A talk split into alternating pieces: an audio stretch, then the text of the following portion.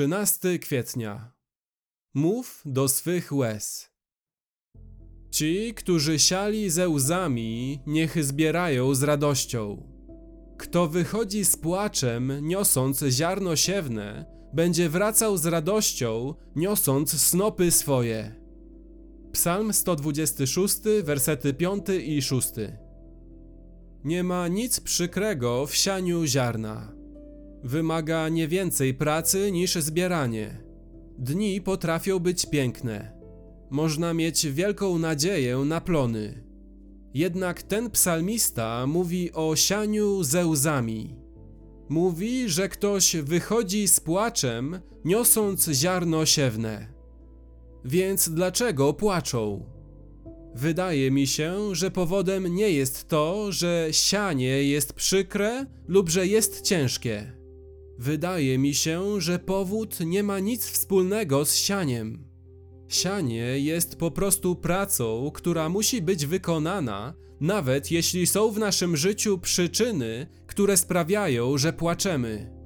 Plony nie będą czekały, podczas gdy my żalimy się lub rozwiązujemy wszystkie nasze problemy.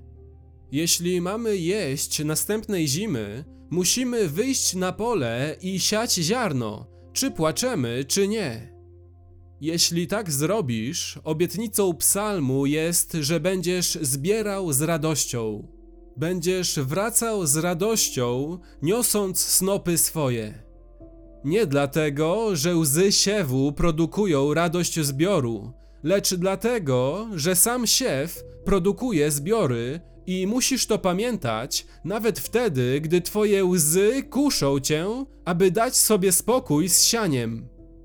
Mamy tu więc lekcję, że gdy są do wykonania proste, jasne prace, a ty jesteś pełen smutku i łzy płyną z łatwością, idź, wykonaj te prace ze łzami. Bądź realistyczny.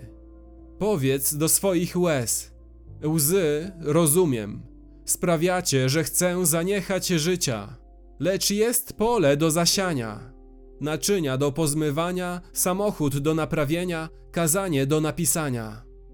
Następnie powiedz na podstawie Słowa Bożego: Łzy, wiem, że nie zostaniecie na zawsze. Sam fakt, że po prostu robię moją pracę we łzach i wszystkim innym, ostatecznie przyniesie plony błogosławieństwa. Więc proszę bardzo, płyńcie, jeśli musicie. Lecz wierzę, choć jeszcze tego nie widzę i w pełni nie czuję.